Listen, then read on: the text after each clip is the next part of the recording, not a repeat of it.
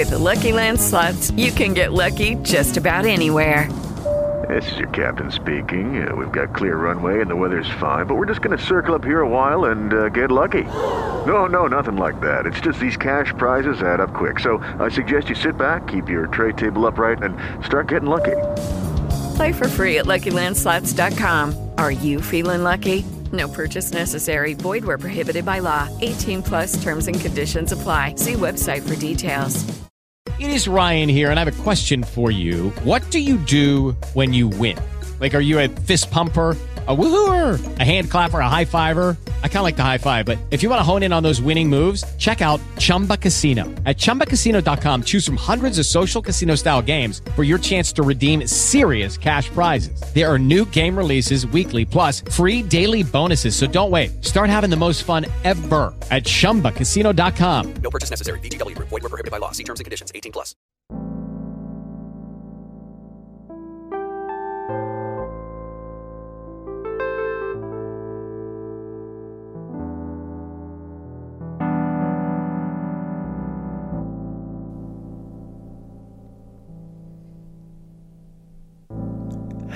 Viel op het veld van eer, meneer. Een jongen met een geweer, meneer. En onder de lucht van lood kleurde de aarde rood. Maar op zijn lippen lag een glimlach. Voor het laatste dat hij zag. Augustus 1914, juffrouw. Meer zal hij nooit zien, juffrouw. Er wordt een blad van de kalender gescheurd. En er is een meisje dat treurt. Maar op haar lippen ligt een glimlach. Voor het laatste dat hij zag. Want de einde zal komen. Als we diep genoeg dromen, wordt de engel werkelijkheid. Nu en al in de eeuwigheid. De Engelsen grepen de legende van de engelen dankbaar aan om duizenden tonnen vers en jong kanonnenvlees zo ver te krijgen dat ze vrijwillig dienst namen in het nieuwe grote leger dat Engeland zo dringend nodig te gaan, was een lafaard.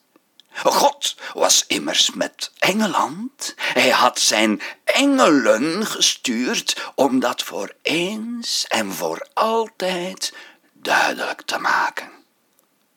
En de mensen waren hysterisch, zeer zeker. Ultimatum was gevolgd op ultimatum, mobilisatie op mobilisatie. En uiteindelijk trokken de Duitsers ten strijde in wat een frisse, vrolijke oorlog beloofde te worden, die hen binnen een paar weken voor de poorten van Parijs zou brengen. Maar de invasie van Frankrijk liep in de herfst van veertien onherroepelijk vast aan de oevers van de Marne en in de modderpoelen van de IJzer, waar onze jongens spotliedjes schreven over de Duitse keizer. Hoe zit het aan de wijzer? Vroeg de kroonprins aan de keizer. Slecht, mijn zoon,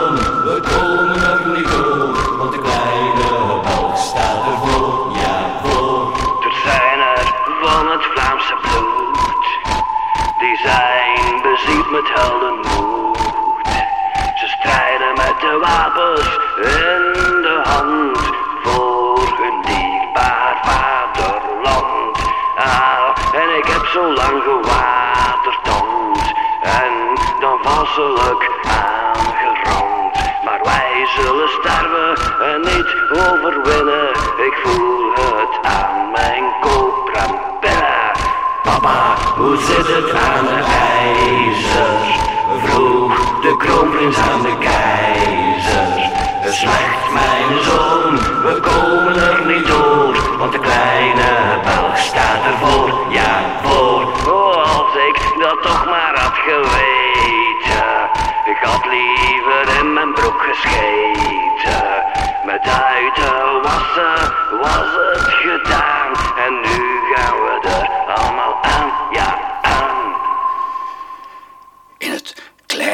België beging het grote en gefrustreerde Duitse leger onvoorstelbare vreedheden in Leuven, Aarschot, Dinant en zoveel andere steden die in de as werden gelegd, waar gijzelaars werden genomen en koelbloedig neergekogeld, patat, patat, patat, waar werd geplunderd, verkracht en gemoord als gevolg van echte mythen tot leven gewekt door de Duitse propagandamachine over priesters die argeloze Duitse soldaten verraden hadden en hun medeburgers ophitsten om machinegeweren op kerktorens te zetten. Patat!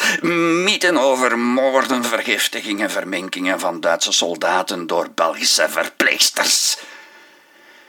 Het was koren op de molen van de Engelse propagandamachine.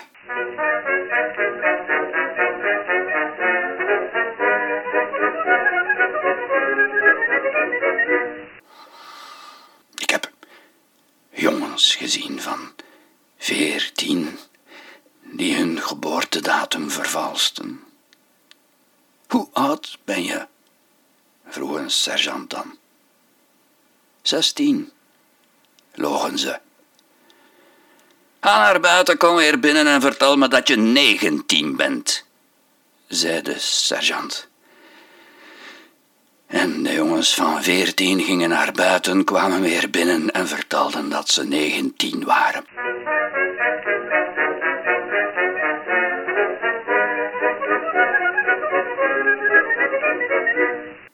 Ik heb jongens van veertien gezien die wegliepen van school om bij het leger te gaan en die logen dat ze vijf jaar ouder waren. Een paar dagen aan het westelijk front maakten ze meteen vijftig jaar ouder.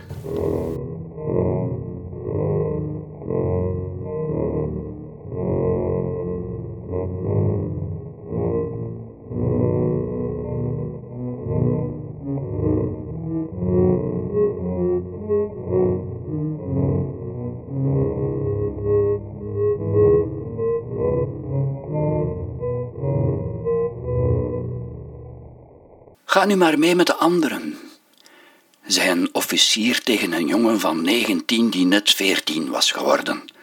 Of omgekeerd. Kijk recht voor je uit, kijk niet achterom, loop gewoon door. Zodra je vertrokken bent, is het ergste achter de rug. Het wachten, jongen. Het wachten is het ergste. De onzekerheid. En de jongen van 19 die net 14 was geworden, ging mee met de anderen. Hij keek recht voor zich uit. Hij keek niet achterom. En toen was het wachten voorbij en wist hij dat ook de officier tegen hem had gelogen, want het wachten was niet het ergste.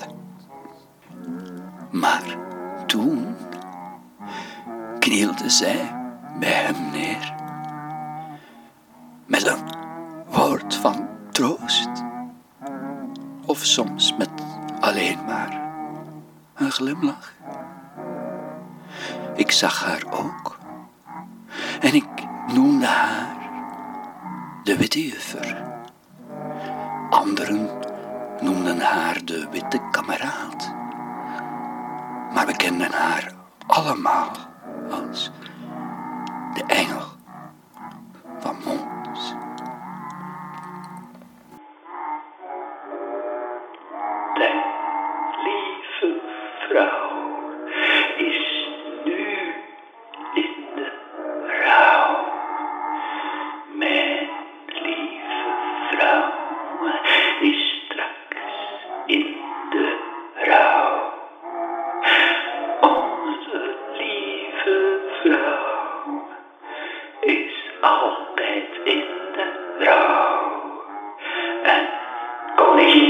En koningin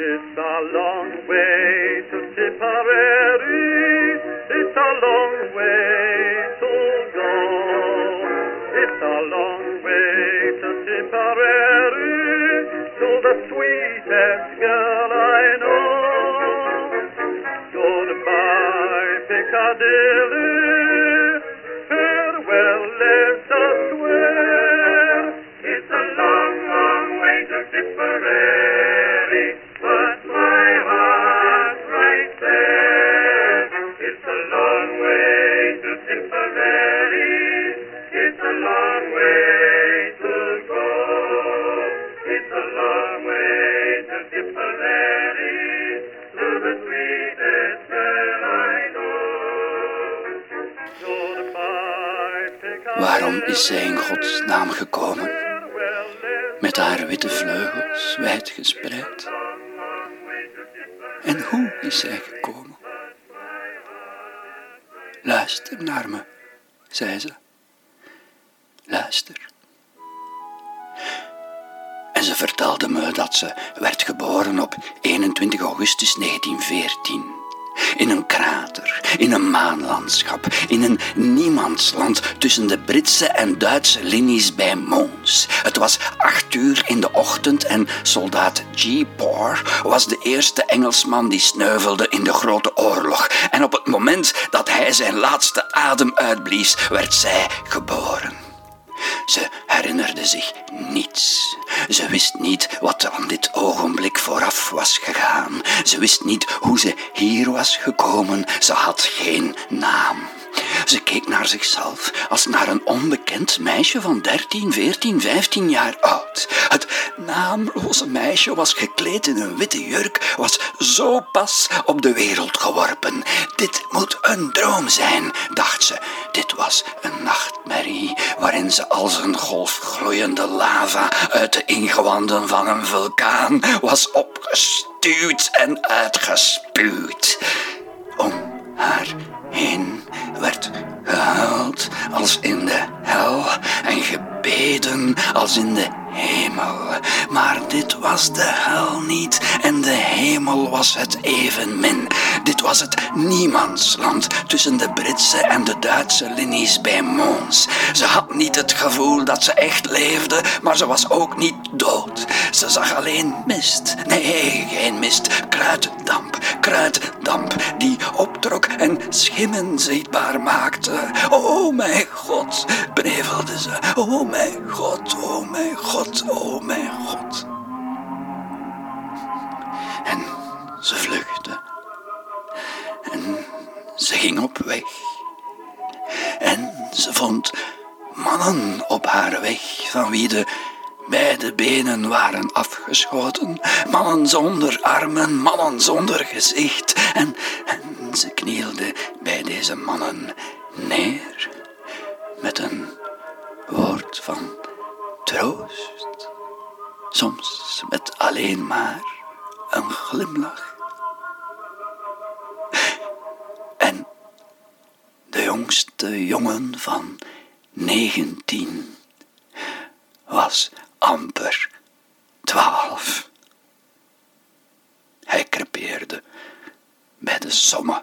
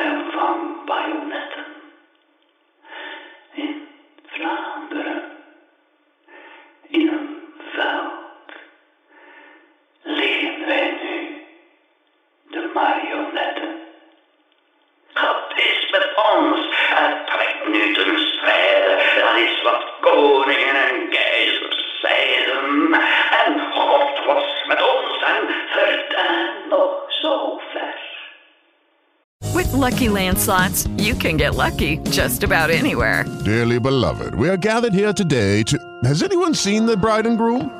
Sorry, sorry, we're here. We were getting lucky in the limo and we lost track of time. No, Lucky Land Casino, with cash prizes that add up quicker than a guest registry.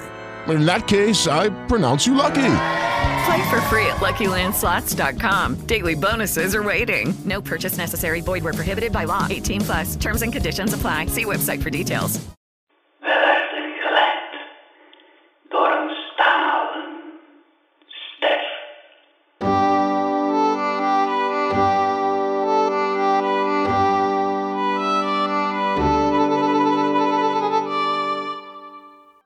De Eerste Wereldoorlog was ook een echte propagandaoorlog. Belgische kinderen zouden door Duitse soldaten de handen zijn afgehakt. Een Canadees soldaat zou in de buurt van Ypres op of rond 24 april 1915 met bajonetten op de deur van een schuur gekruisigd zijn. Ooggetuigen vertelden tegenstrijdige verhalen en er werd geen gekruisigd lichaam gevonden, terwijl de identiteit van de gekruisigde Canadees ook nooit bekend werd. Niettemin haalde het verhaal over de hele wereld de krantenkoppen en dook het herhaaldelijk op in de oorlogspropaganda van de geallieerden.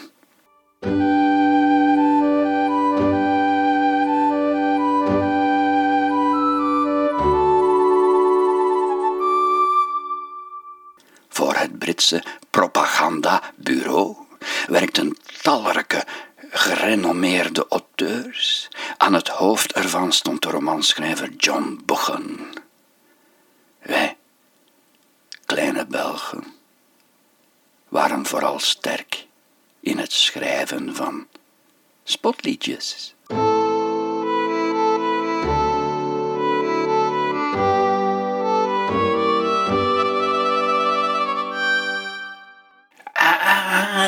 De keizer is ziek, hij heeft het koliek. Wat zal er nu nog gaan gebeuren? Wat heeft hij gehad? Een bom op zijn gat. Dat hebben de Belgen gelapt. Patat. De keizer heeft pijn van fluorisijn in zijn armen en ook in zijn benen. Een absces of negen en in voeten en tenen, daar heeft hij de reumatiek, zo ziek. Guns aan de keizer nu nog een stuk ijzer tegen zijn kop en de keelkrop en zijn lijf dan mag vol met puisten en zweren. En waar gaan wij die mismeren? Petrol!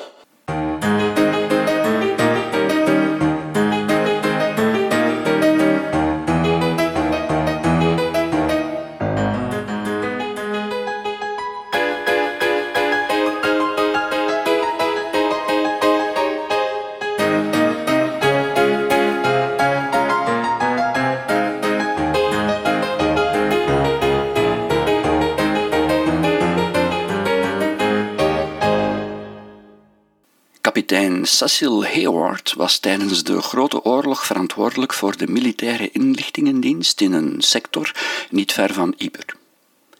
In maart 1918 losten Portugezen de moe gestreden Britten af, maar bij de eerste grote Duitse beschieting sloegen zij al op de vlucht, zodat er een gat in de frontlijn ontstond. De Duitsers rukten op. Als ze niet werden tegengehouden, bestond de kans dat Parijs werd ingenomen en dan zouden wij de oorlog verliezen. Maar toen zag kapitein Hayward tot zijn grote verwondering opeens hoe Duitse granaten massaal op een braakliggend stuk grond terechtkwamen. Hij vroeg zich af wat het doel kon zijn van deze beschieting, want daar waar de explosies de aarde openscheurden, was niets aanwezig dat enige strategische waarde bezat. Er stond geen huis, geen boom en er was geen soldaat te bekennen. Even plotseling als het bombardement begonnen was, hield het op. Een vreemde stilte daalde neer over het slagveld.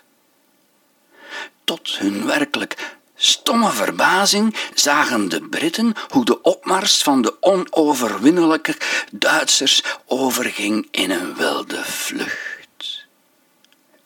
Britten zetten de achtervolging in. Ze namen honderden krijgsgevangenen. Een van hen, een al wat oudere Pruisische kolonel, verklaarde hoe zijn luitenant hem op zeker ogenblik op een cavaleriebrigade had gewezen die tussen de rookwolken door op hen af leek te komen. Ze zijn gek, de Engelsen, als ze zo in het open veld willen oprukken tegen een strijdkracht als de onze. De luitenant dacht met een van de Britse koloniale legereenheden te maken te hebben, want de ruiters droegen witte uniformen en reden op witte paarden. Al had de kolonel nog nooit gehoord van Britse cavaleristen in witte uniformen. Hun koloniale soldaten hebben jarenlang allemaal te voet gevochten en ze droegen altijd kaki, geen wit. Toch zijn ze duidelijk te zien, antwoordde de luitenant. Kijk maar, onze kanonnen hebben ze nu in hun schootsveld. Kijk snel, want ze zullen zo meteen in stukken gereten worden. Duitse officieren zagen granaten tussen de paarden en hun bereiders exploderen, maar de ruiters bleven rustig dravend voorwaarts trekken in een formatie als bij een parade, iedere man en ieder paard op zijn plaats. De Duitse mitrailleurs openden het vuur. De witte ruiters werden onthaald op een ware kogelregen, maar ze rukten verder op en geen enkele ruiter, geen enkel paard viel. Rustig draafden ze verder in het helder schijnende zonlicht. Een paar passen voor de rest uit reed een leider. Een verfijnde figuur was dit. Zijn haar hing als gesponnen goud in een aura rond zijn blote hoofd. Op zijn zijde droeg hij een groot zwaard. Ondanks de hevige granaatbeschieting en het zware mitrailleurvuur bleef de witte cavalerie naderen, meedogenloos als het noodlot. Toen, toen werd ik heel erg bang, bekende de kolonel. En ik, ik vluchtte daar weg in blinde paniek. Om me heen zag ik honderden andere doodsbange mannen, jankend als kinderen. Ze, ze wierpen hun wagens en uitrustingstukken weg om niet in hun bewegingen gehinderd te worden. Iedereen rende, iedereen rende voor zijn leven. Iedereen rende weg, weg, weg van de naderende witte cavalerie, maar vooral van die ontzagwekkende leider. De stem van de prijs stokte. Hij huilde. Dat is alles wat ik te vertellen heb. We zijn verslagen. Het Duitse leger is gebroken. We mogen dan nog wel doorvechten. De oorlog is verloren. We zijn verslagen door een witte cavalerie. Ik kan het niet begrijpen. Gedurende de volgende dagen ondervroeg kapitein Hayward vele gevangenen. Hun verklaringen waren identiek aan die van de Pruisische officier. Vreemd genoeg had geen enkele Britse militair ook maar één enkele ruiter of één enkel paard van de witte cavalerie waargenomen.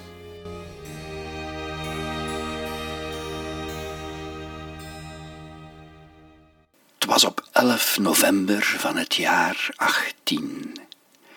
De oorlog was bijna voorbij. Tegen de ochtend aan stond ik voor mijn raam en zie, daar sloop een man langs zij. Een bajonet glom tegen de lange blinde muur en een Canadees kroop over de grond. Naar het noorden, naar de Duitsers, naar het huis van mijn buur, waar dat café vroeger stond.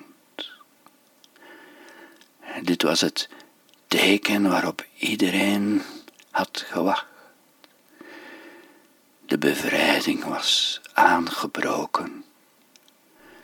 Plots klonk de bijaard zachtjes in de nacht en vreugdevuren werden aangestoken.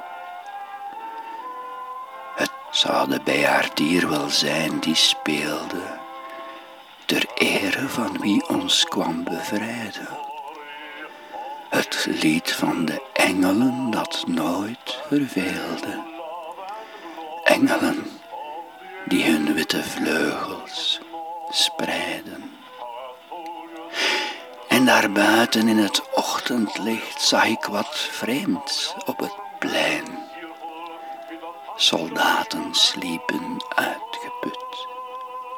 En omdat de oorlog nu toch gauw voorbij moest zijn, dansten burgers om hen heen.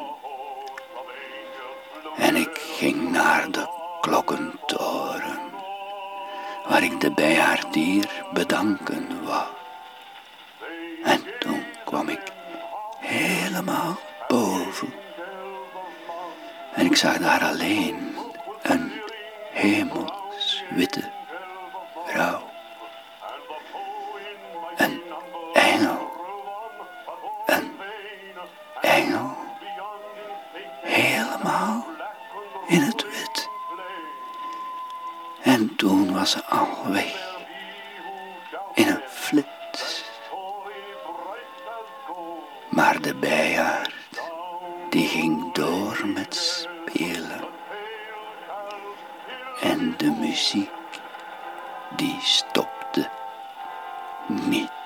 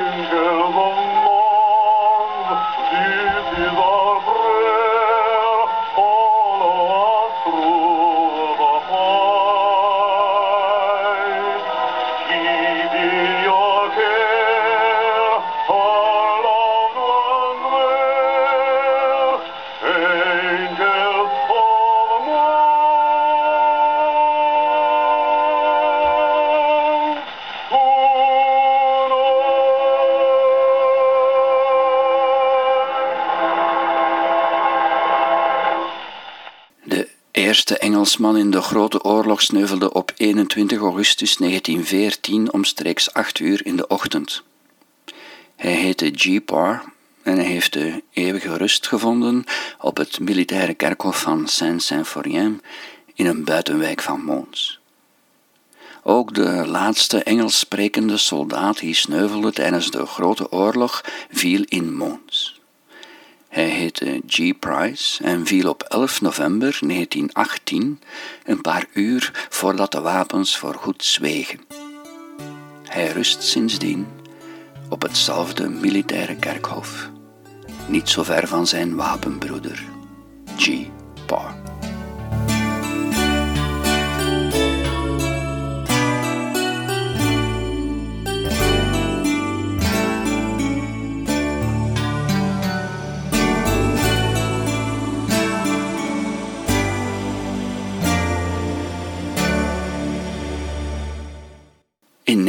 1930 verscheen in een Britse en tegelijk in een Amerikaanse krant een artikel waarin een voormalig lid van de keizerlijke geheime dienst een verklaring beloofde voor het fenomeen van de engelen van Mons.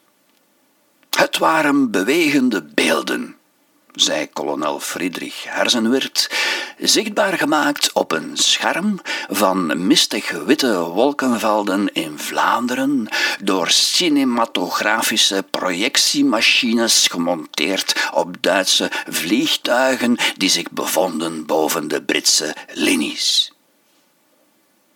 De rapporten van Britse troepen gedurende de aftocht uit Mons op 24 augustus 1914 dat zij engelen met de afmetingen van mannen hadden gezien die zich in de achterhoede van het terugtrekkende leger leken op te houden, werden door psychologen toegeschreven aan massahypnotisme en hallucinaties.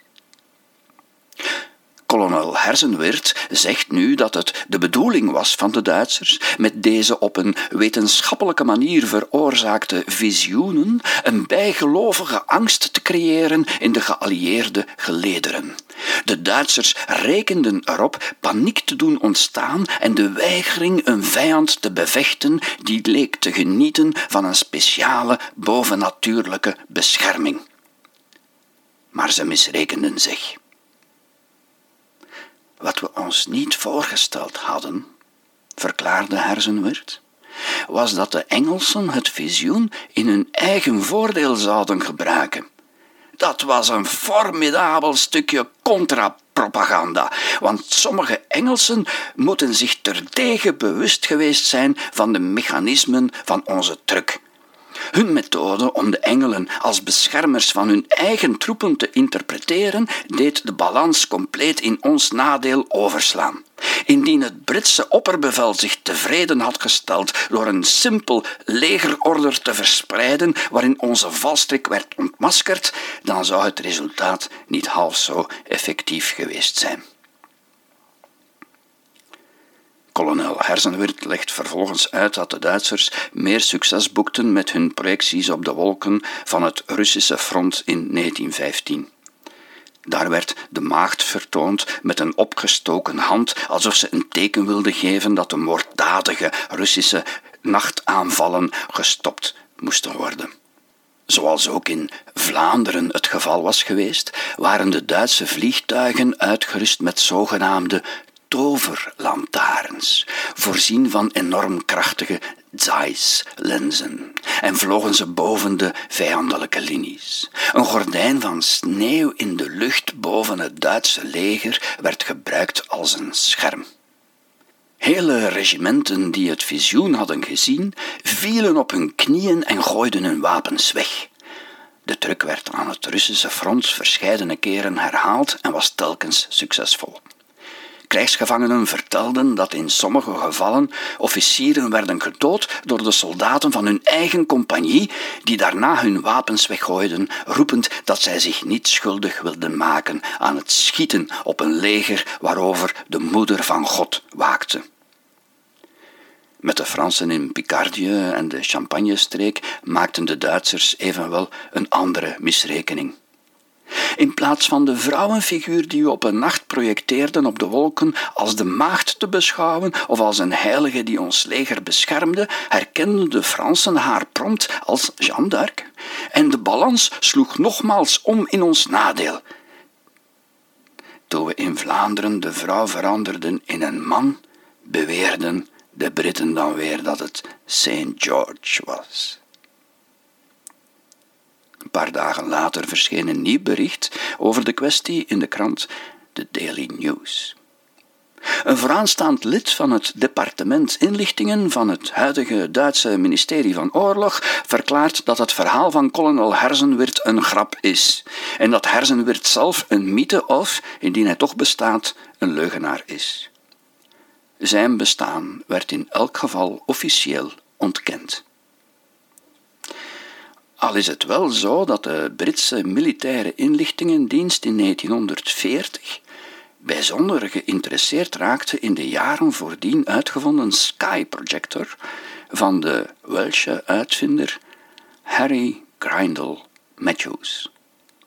Ze wilden het apparaat gebruiken in het kader van een black propaganda project ter misleiding van de vijand. De Sky Projector was perfect in staat om beelden te projecteren op de wolken.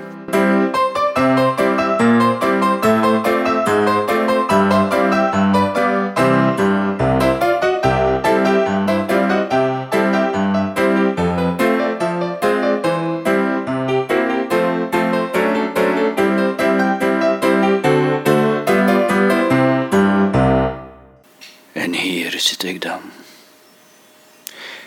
in de schaduw van een oude kastanjeboom die al volop de stekelige vruchten draagt van de late zomer, waar kinderen zo dol op zijn. Over precies tien jaar zien we elkaar daar weer, zei ze. En dan zal alles je duidelijk worden. Hier zit ik dan. Het is een heldere, zonnige dag en ik heb een schitterend uitzicht over de stad en de streek van En ik denk, alles is mogelijk als je het maar hard genoeg wil. En hier zit ik dan onder een oude kastanjeboom en ik vraag me af wat hij zoal gezien moet hebben. Zoals hij hier staat, roerloos en zwijgend als een stille getuige, als een eenzame wachtpost op de grens van hemel en aarde. Hier zit ik dan, op een groene bank, te genieten van de rust en de stilte. En ik prijs me gelukkig met deze simpele geneugten die de Britse soldaten op die hete, wolkenloze dag in augustus 1914 moesten ontberen. De oude kastanjeboom heeft het nog meegemaakt, hoe ze daar beneden door de straten vluchten, achterna gezeten door een Duits leger dat drie keer zo sterk was, hoe alles zo anders was toen. Ik stel mij het kraken van het massieve geweervuur voor, het donderen van de kanonnen, de geschreeuwde bevelen van de officieren, het hoge gillen van de gewonden, het treutelen van de stervenden, het oorverdovende zwijgen van de doden. Ik stel mij de bittere stank voor van buskruid en bloed.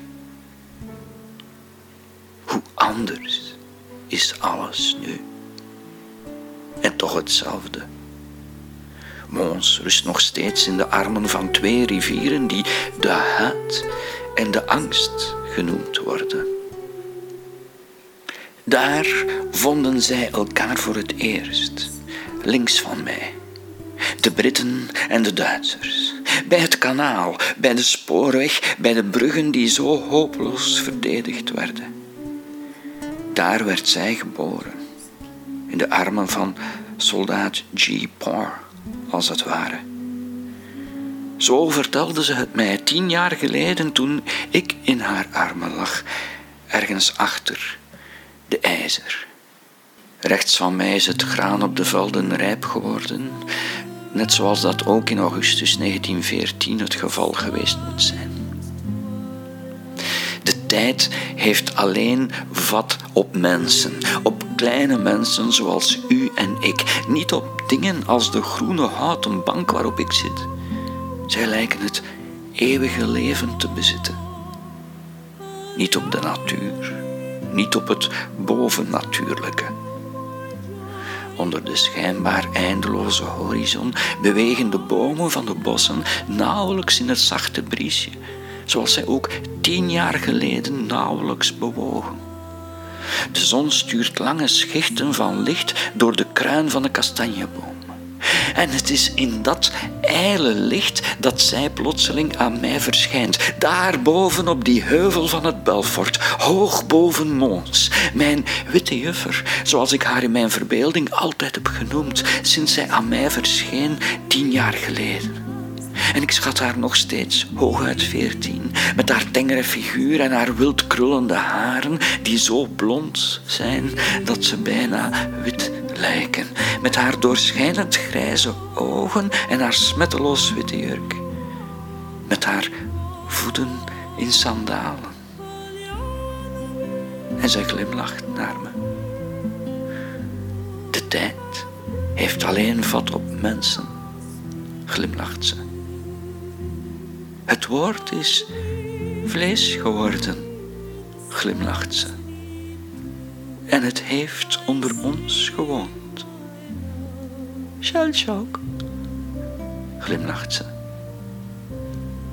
En ik knipper met de ogen, want in een oogwenk is ze verschenen, maar in dezelfde oogwenk is ze ook verdwenen. Maar als ik haar nu niet meer, ik glimlach nog naar haar want ze is er nog wel. Omdat ze er altijd zal zijn. Omdat de tijd geen vat heeft op het bovennatuurlijke. Omdat je niet kunt geloven wat je niet kunt zien. En omdat je niet kunt zien wat je niet kunt geloven.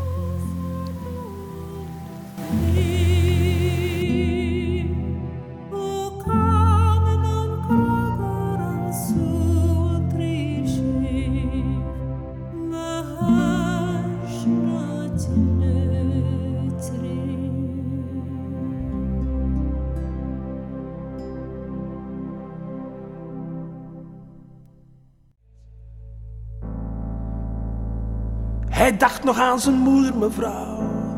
Hij dacht nog aan zijn broer, mevrouw. Die viel op een ander veld. Onder hetzelfde geweld. En op zijn lippen lag een glimlach. Voor het laatste dat hij zag. Want de engel zal komen. Als we diep genoeg dromen de engel werkelijkheid. Nu en dan in de eeuwigheid. Hij viel voor het vaderland, meneer. Oog om oog en tand om tand, meneer. Voor vader, zoon en heilige geest, mevrouw. De oorlog is een feest, mevrouw. Want op zijn lippen lag een glimlach. Voor het laatste dat hij zag. Want de engel zal komen. Als we diep genoeg dromen. Wordt de engel werkelijkheid. Nu en tot in de eeuwigheid. U luisterde naar het tweede deel van de Engelen van Mons. Een audiodrama geschreven, verteld en gemonteerd door Patrick Bernau.